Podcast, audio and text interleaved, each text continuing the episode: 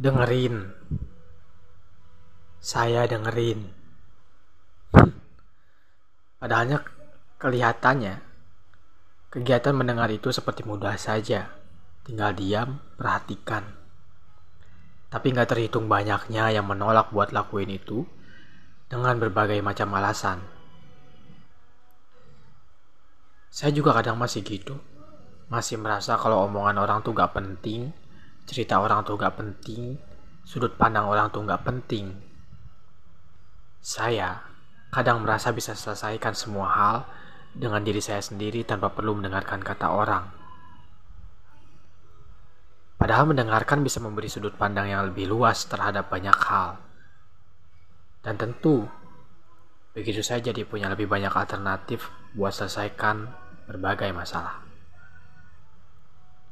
Mendengar membuat saya lebih banyak amunisi untuk diri saya sendiri. Selesaikan masalah dengan diri sendiri.